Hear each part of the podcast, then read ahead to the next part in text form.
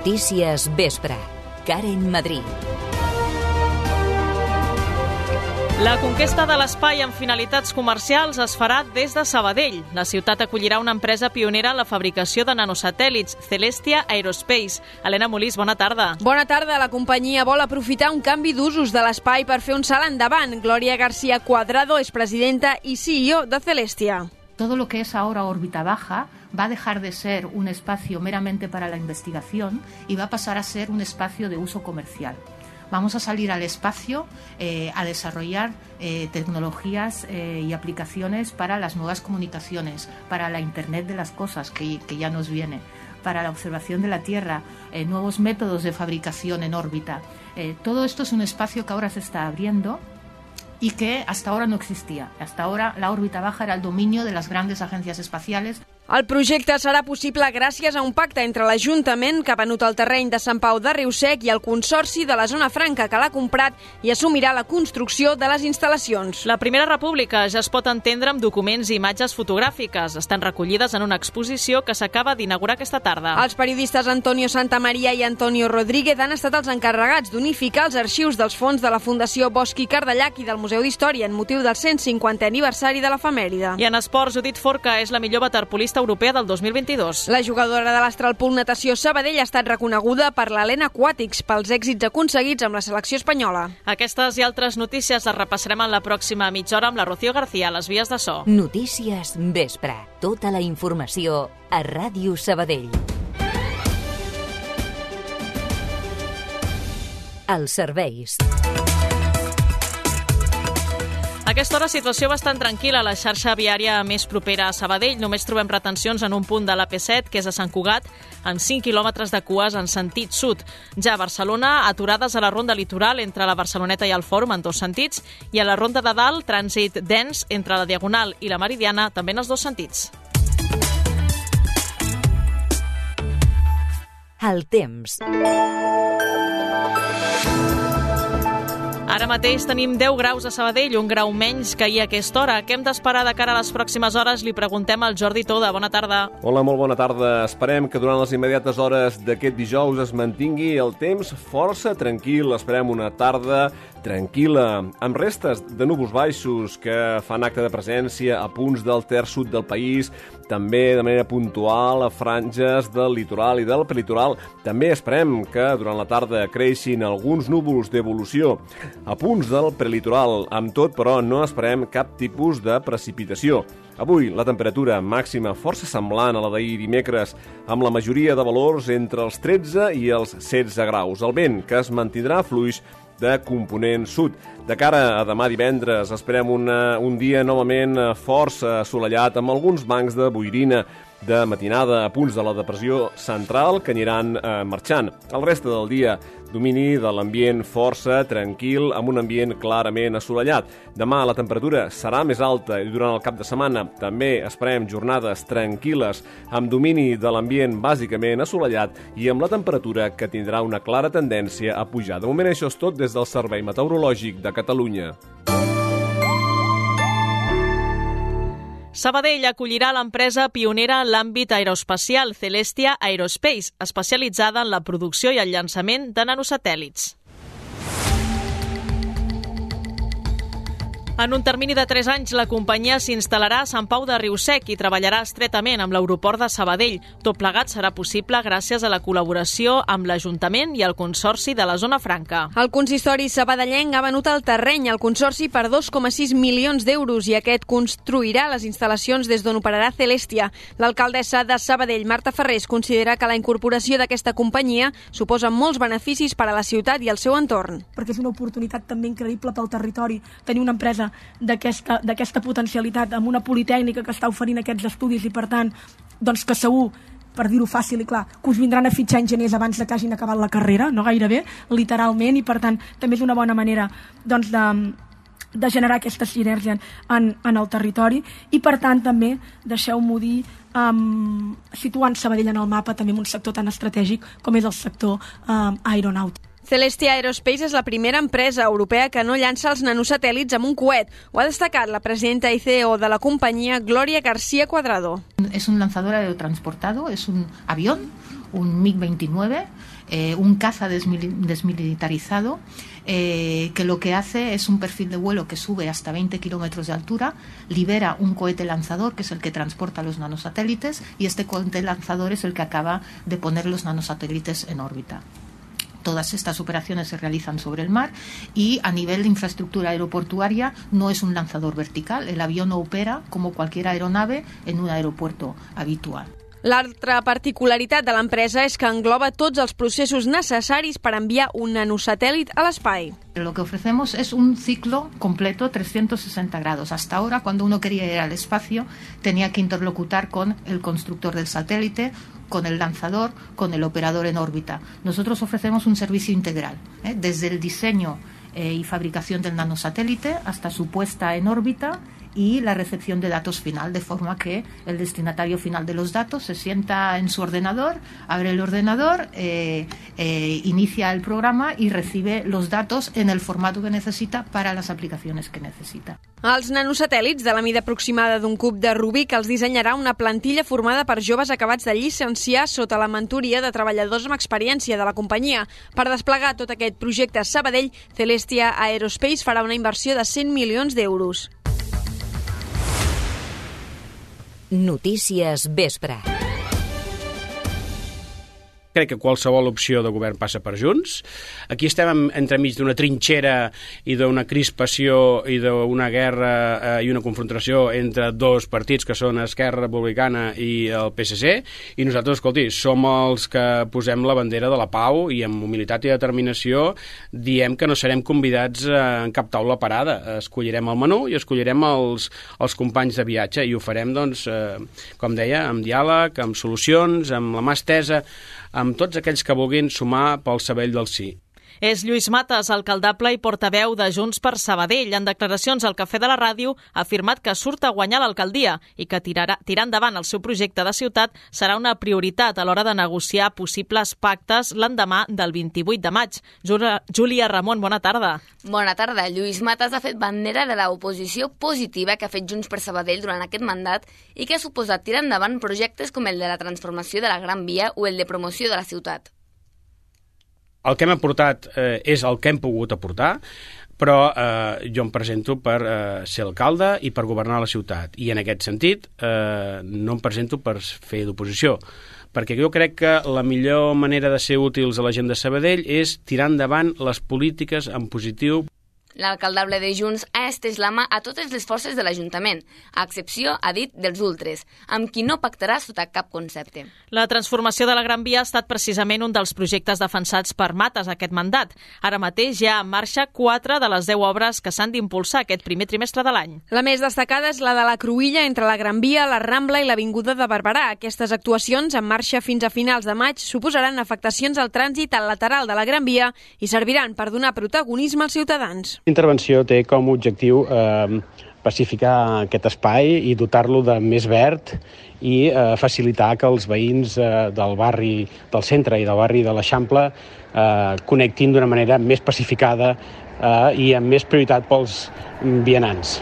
A banda de les actuacions a l'alçada de la Rambla, també està en marxa la millora de l'espai públic del carrer Antoni Forrellat, la d'eliminació dels passos soterrats del taulí i la reforma de la Cruïlla amb el carrer Quevedo. Europa s'està precipitant amb l'electrificació dels cotxes sense haver resolt abans els problemes que comporta. Aquesta és l'opinió de la patronal catalana de l'automoció després que s'hagi prohibit la venda de cotxes nous de gasolina i dièsel a partir de l'any 2035. En contra de la norma establerta pel Parlament Europeu, el president de FECABERM i el Gremi de Motor de Barcelona, Jaume Roura, diu al programa El Cafè que es podria arribar tranquil·lament al 2050. L'electrificació sí, però pas a pas i si hem d'arribar a l'any 2050 convivint amb les dues motoritzacions, no passa res. Aquest és el plan que està apostant als Estats Units, un país desenvolupat i capdavanter amb l'automoció. La, amb Roura està d'acord en actuar sobre la qualitat de l'aire, però assenyala que l'automoció només representa el 13% de la contaminació i diu que cal resoldre els costos dels cotxes elèctrics, que arriben a ser d'un 40% més que els altres models de motors.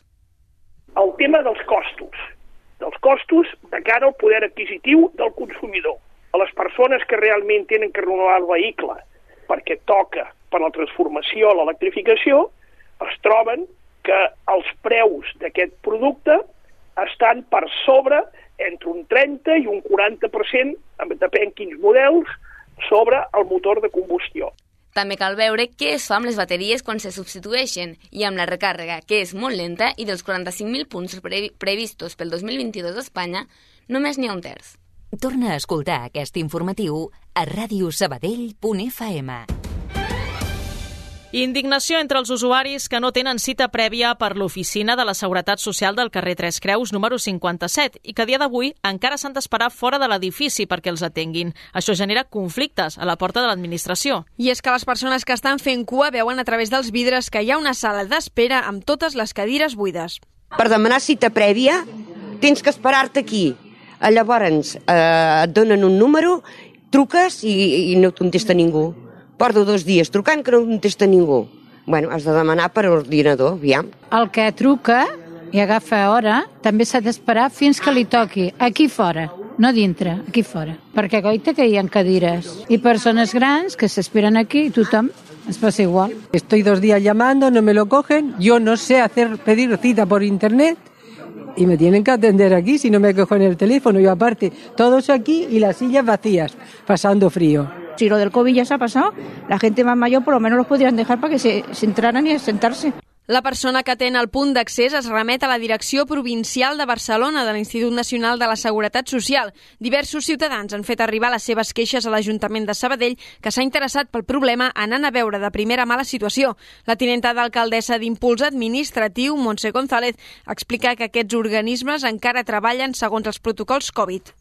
Em va trucar el director territorial demanant disculpes, dient que és veritat que encara estan en protocols, en protocols Covid i que estaven intentant solventar-ho, però que clar, ells tenen una directriu de tota, no, a nivell territorial i que no podien fer res.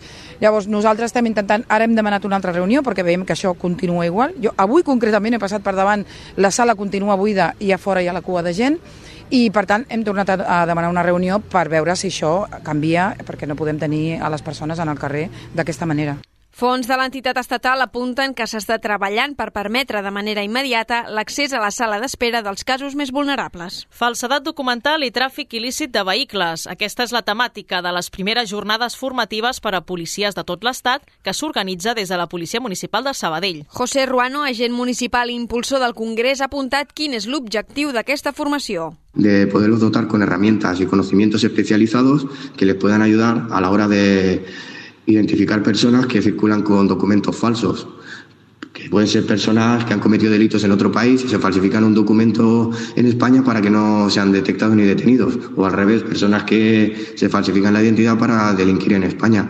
También las jornadas van dirigidas a evitar el tráfico ilícito de vehículos, de coches que roban, que posteriormente falsifican para introducirlos de nuevo en el mercado. Les jornades tenen un caràcter benèfic i tots els diners recollits de les inscripcions, més de 10.000 euros, s'han destinat a l'Associació de Pares de Nens amb Càncer. Era l'entitat amb qui col·laborava l'agent de policia de Castelló, José Manuel Montes, mort l'any passat i al qual se li ha dedicat al Congrés. L'exposició per commemorar el 150è aniversari de la Primera República s'ha inaugurat fa tot just uns minuts. Els periodistes Antonio Santamaria i Antonio Rodríguez han mostrat tots els materials documentals i sobretot fotogràfics que han recollit en una presentació a la Biblioteca Biblioteca Vapor Badia. Antonio Santamaria i Antonio Rodríguez han remenat una gran quantitat d'arxius com el del fons de la Fundació Bosch i Cardillac o el del Museu d'Història per construir el que han presentat aquest dijous a la tarda, una exposició sobre la Primera República en clau local. Es tracta d'una iniciativa organitzada pels federalistes d'Esquerra i l'Ajuntament i un dels punts que més han volgut destacar és la imatge. Així ho destaca un dels dos comissaris, Antoni Santamaria. Hem recuperat una sèrie d'imatges de l'època, és una exposició el que no és, que no és el que mani, sinó que que molta força a l'imatge. Jo crec que és potser la part més valiosa, eh, més valiosa és aquesta, potser aquesta recerca de, sí, d'arxiu, de fotogràfic en aquest cas, d'imatges, i també, diguéssim, de reconstruir una mica, diguéssim, una part obligada de la nostra història, com és aquest període que va de, de, de la Primera República, podem dir, fins a la Segona. A banda de la imatge, el paper del president Pi Maragall, que va tenir una estreta relació política amb Sabadell, també ha estat una de les principals columnes de l'acte. Al tram final de l'exposició, Santa Maria ha ofert una ponència sobre l'any de la proclamació de la Primera República, el 1873, a la mateixa Vapor Badia. Tota l'actualitat de la ciutat i comarca també a les xarxes socials.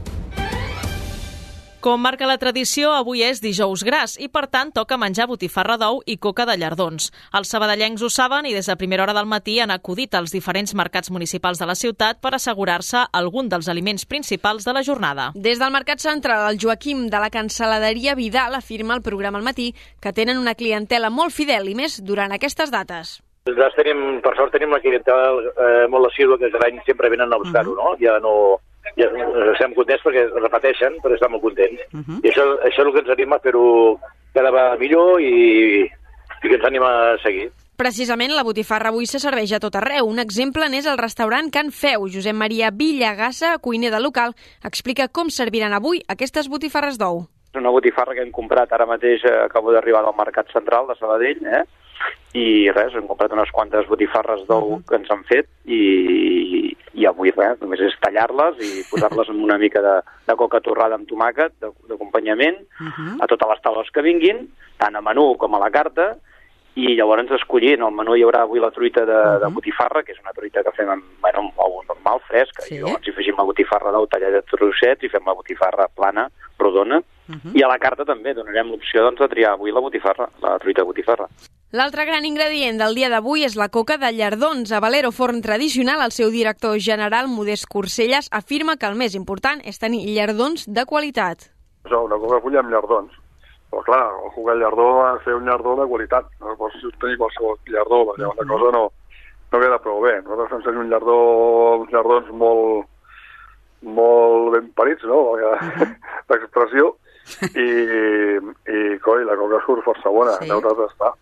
Els tres entrevistats reclamen que es comprin productes de proximitat. Ràdio Sabadell, al peu de la notícia. L'empresa ballesana d'efectes especials In Extremis és la flamant guanyadora d'un Premi Goya. Els acadèmics del cinema espanyol van premiar l'empresa pel llargmetratge Modelo 77, rodat a la presó model de Barcelona.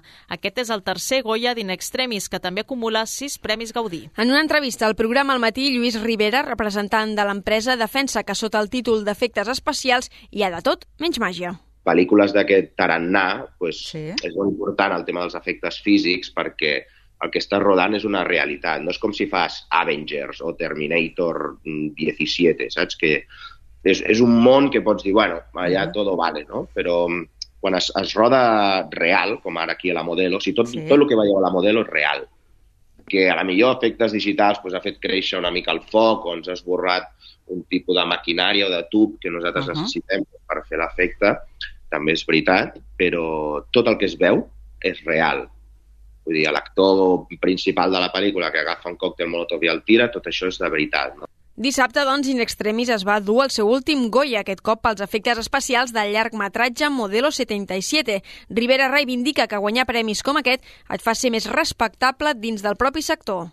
Es nota amb això, no? que, que si nosaltres anem a rodatge i diem pues mireu, no, això per fer-ho hauríem de gravar des d'aquí i tal, pues ens dona una mica de, de, de veracitat, no? una mica de, de com de, de poderío de, ei, que ja sabem fer les coses. No? Algú, que no som nosaltres, ha dit que sabem fer les coses.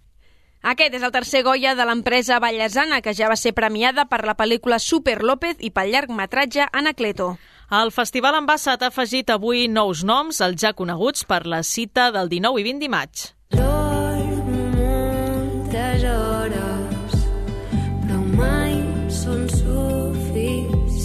S'hi compten els sabadellencs, Madrasso i Venus.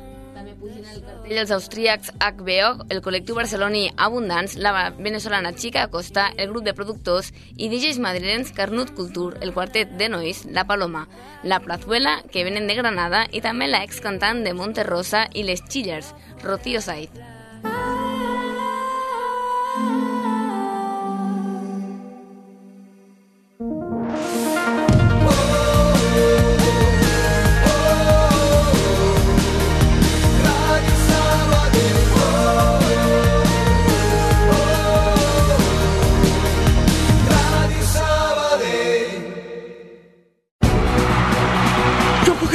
volia retirar-me i aquest dels esports no hi ha manera, tu! Que si el Sabadell fa guany 120 anys, que si la JAS i la Unió Ciclista ja són centenàries, que si necessitem la veu de l'experiència per les promocions. Hotel Suís. Entrevistes, rodes de premsa en directe i l'anàlisi i valoracions dels esportistes i clubs de Sabadell. Tot l'esport de la ciutat, d'una a dues a l'Hotel Suís de Ràdio Sabadell. Així, en Vicenç Gràcia, en Sangüessa i en Morral encara juguen al centre d'esports i el Miquel Gual. Coneixes l'app de Taximés? Descarrega-te-la i reserva un taxi còmodament des de la nostra app. Més informació a taximesapp.com. Taxi! Ràdio Taxi Sabadell, el teu taxi de referència a Sabadell. Ràdio Sabadell. Notícies vespre. Fora de Sabadell i la comarca. El Congrés ha aprovat avui de manera definitiva la nova llei de l'avortament. La normativa entrarà en vigor l'endemà que es publiqui al butlletí oficial de l'Estat i aleshores tornarà a estar permès que les menors de 16 anys puguin avortar sense el consentiment dels pares. Aquesta és una de les mesures que estableix la nova llei de l'avortament, però el text també regula les baixes per regles doloroses. Avui mateix també s'aprova la llei trans i, en aquest cas, un dels canvis més significatius és que es podrà fer el canvi de sexe al registre civil sense necessitat d'un informe mèdic o psicològic clínic que acrediti disfòria de gènere. Avui també ha estat un dia important per Dani Alves. Aquest dijous s'ha celebrat la vista que ha de decidir si el futbolista continua en presó preventiva o queda en llibertat. La defensa del futbolista, acusat de violació, demana la llibertat provisional a canvi d'altres mesures, com una polsera telemàtica, la retirada del passaport o compareixences diàries als jutjats. Avui s'ha celebrat la darrera vista a l'Audiència de Barcelona i, per primera vegada, l'advocada de Alves ha reconegut que hi va haver penetració. Més de 85.000 catalans han sol·licitat en un dia el xec de 200 euros per rendes baixes del govern espanyol, una xifra que s'eleva a les 570.000 peticions al conjunt de l'Estat. S'hi poden acollir aquestes llars amb ingressos inferiors als 27.000 euros anuals i en un termini màxim per demanar-ho finalitzarà el 31 de març. Esports.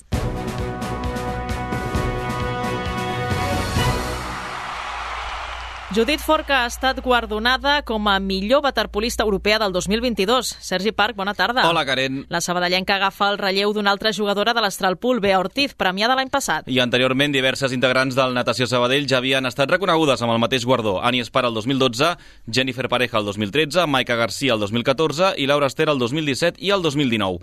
En la tria de Forca d'enguany, la, la nen ha valorat els èxits amb la selecció espanyola, el cinquè lloc aconseguit al Mundial, quan ella va ser la màxima golejadora del torneig i les medalles d'or a l'Europeu i a la Lliga Mundial i també al subcampionat de l'Eurolliga amb l'Astralpool. I tot a poques hores que l'Astralpool Natació Sabadell inicia a partir de demà el camí per recuperar el títol de la Copa de la Reina de Waterpolo. Les de David Palma obren la competició a dos quarts de tres de la tarda amb una eliminatòria a priori assequible contra el Tenerife Cheide. En cas de guanyar les semifinals, el rival seria el vencedor del Mediterrani Catalunya. A l'altra banda del quadre, Sant Andreu Mataró i Terrassa Barceloneta. Per tant, el vigent campió, el conjunt mataroní, no es creuaria en el camí de l'Astralpool fins a una hipotètica final. Sabrina Van der Slot és jugadora de l'equip.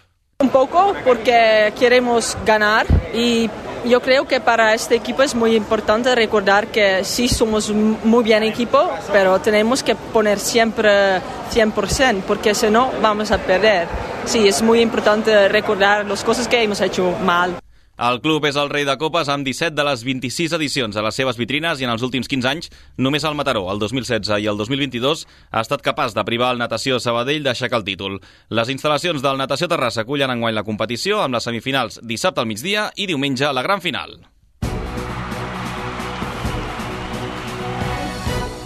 Isma Atuman serà baixa al centre d'esports durant les pròximes setmanes per una lesió als isquiotibials. El central, que havia guanyat protagonisme amb l'arribada de Miqui Lladó a la banqueta, no entrarà a la convocatòria de cara aquest diumenge en el duel contra l'Eldense. Sergi Garcia i Pau Víctor seran les altres absències destacades per visitar el líder. Especialment sensible és la d'aquest últim, però Lladó no es mostra excessivament, excessivament preocupat pel fet de perdre el màxim golejador i assistent de l'equip. El Pau eh, amb dos puntes eh, doncs, evidentment eh, s'acompanya millor i encara té aquesta capacitat doncs, d'aprofitar doncs, millor les boles a l'espai. També l'hem utilitzat d'interior. Aquest cap de setmana no hi és. Podríem utilitzar dos puntes perfectament. Eh, entrenem i, i practiquem no, a moviments i espais per fer-ho. Podem anar amb un. Eh, jo crec que el format que sigui el més important és l'actitud, la, l'empenta i les ganes que tinguem de, tinguem de sumar. L'Eldense es manté invicta al seu camp i, tot i perdre el camp del Castelló la setmana passada, es manté també com a primer classificat del grup. Ara bé, els de Fer Estevez també tindran baixes importants, com la d'Àlex Martínez. L'àrbitre, el nou Pepico Mat, diumenge serà el murcià Salvador Lax Franco, el mateix cal de la derrota contra l'Algeciras de l'última jornada de la temporada passada. A tot això, demà al migdia el club presentarà els actes que es duran a terme per commemorar el 120è aniversari. I aquest vespre, dos dels principals equips de la ciutat juguen partit oficial. A la segona catalana de futbol es recuperen els prop de 20 minuts del partit suspès fa un parell de setmanes entre el Can Rull i el Ripollet per la picabaralla que es va produir al terreny de joc. El duel s'ha de reprendre en el minut 71, amb 9 contra 9 i amb un 1-0 favorable als de José García Numoski, un marcador que els de la zona oest necessiten conservar per seguir amb opcions de disputar la fase d'ascens en el segon tram de la Lliga. Alejandro Mayen és central del Can Rull una situación bastante bastante rara. Pero sí, sí que es así, jugamos 9 contra 9 porque bueno, se, al final se expulsaron a dos jugadores de cada equipo. Y mm, sí que tenemos el marcador eh, a favor, pero bueno, al final tenemos un par de días esta semana para, bueno, eh, el cuerpo técnico nuestro que decida un poquito cómo vamos a plantear el partido. Y a partir de ahí, pues bueno, intentar que nos salga de la mejor manera, intentar mantener el resultado. No podran jugar avui Iker González, que ha estat sancionat amb 4 partits, Manolo Morillo amb 2 i el capità Dani García amb 1. El Can Rull Ripollet es reprèn a dos quarts de nou del vespre. I també es juga el partit de la quarta ronda de la Copa Catalunya de Futbol Sala entre el Badalonès i el Club Natació Sabadell. Sí, els d'Adri Sánchez, després d'eliminar el Àtico Sabadellenc, tornen a ser favorits contra un conjunt que és tercer del seu grup de segona catalana, quatre categories per sota de la segona B on hi milita el club. El duel arrencarà a un quart de 10 a la pista poliesportiva La Platja Badalonina i de nou el terreny de joc serà descobert i de ciment. En cas de passar, el rival a setzents dels nedadors sortiria del vencedor de l'eliminatòria entre la Prosperitat i el Ripollet, que es disputa un quart d'hora abans que el duel del Natació Sabadell. Ràdio Sabadell oferirà aquest dissabte en directe els partits dels sèniors d'handbol de l'Oar Gràcia. Amb dos equips es juguen mitja temporada rebent rivals directe de la zona alta de les respectives lligues. Primer es disputarà el duel de la primera nacional masculina entre l'Oar, l'Oar quart classificat, contra el Sant Cugat, segon amb dos punts més i un partit menys. Un partit crucial pels verd i blancs per mantenir-se vius en la lluita per les fases d'ascens i d'aquest fet n'és conscient el jugador Tonchi Vázquez. Es un partido muy importante, no jugamos prácticamente que todo nada, si bien cada partido es importante y es una final porque ya te digo, la liga está demostrando que cualquiera le puede ganar a cualquiera. Sarriá había comenzado muy mal y, y está ganando partidos importantes. Mataró, que está último, le ganó San Juan de Spirit. Así que no hay que subestimar a ningún rival, pero sí que San Cugat es un rival directo A continuació, el femení rep el Mislata amb el lideratge de plat en joc. Tres punts més sumen les valencianes, però alhora l'Oar defensa la segona plaça. Ara el coixís de 4 punts i una victòria deixaria en safata la classificació per les fases d'ascens. Irene Garcia és la capitana de l'equip. El principal és estar entre els dos primers i allunyar-te de Sant Vicenç tot, tot el que puguis. O sigui, fer la nostra feina, que és no perdre cap partit, i, i després el de Mislata ja es veurà. No, no és com el nostre màxim objectiu. L'objectiu principal és intentar arribar a fase i, i el de Mislata, pues, si es dona, òbviament, nosaltres anem a lluitar i a competir i a guanyar tots els partits. Després, l'altre depèn d'elles, així que nosaltres ara pensem amb, amb el nostre i amb el que nosaltres podem fer. S'espera un ambient dels grans al pavelló del carrer Boccaccio durant tota la tarda de dissabte. A les 6 es juga l'OAR masculí Sant Cugat i a les 8 l'OAR femení Mislata i amb dos partits, insistim, es podran seguir en directe al canal de Twitch de Ràdio Sabadell. Gràcies, Sergi. Bona tarda. A tu, Karen.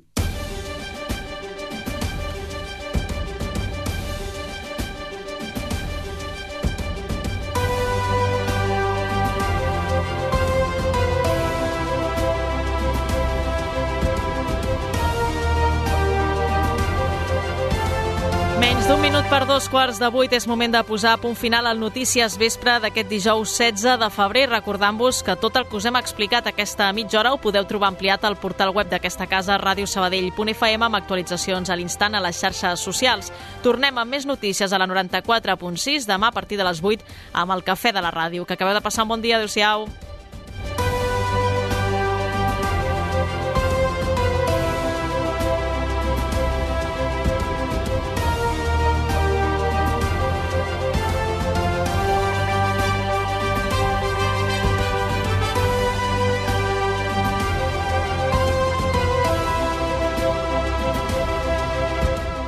Allà on siguis, escolta'ns online.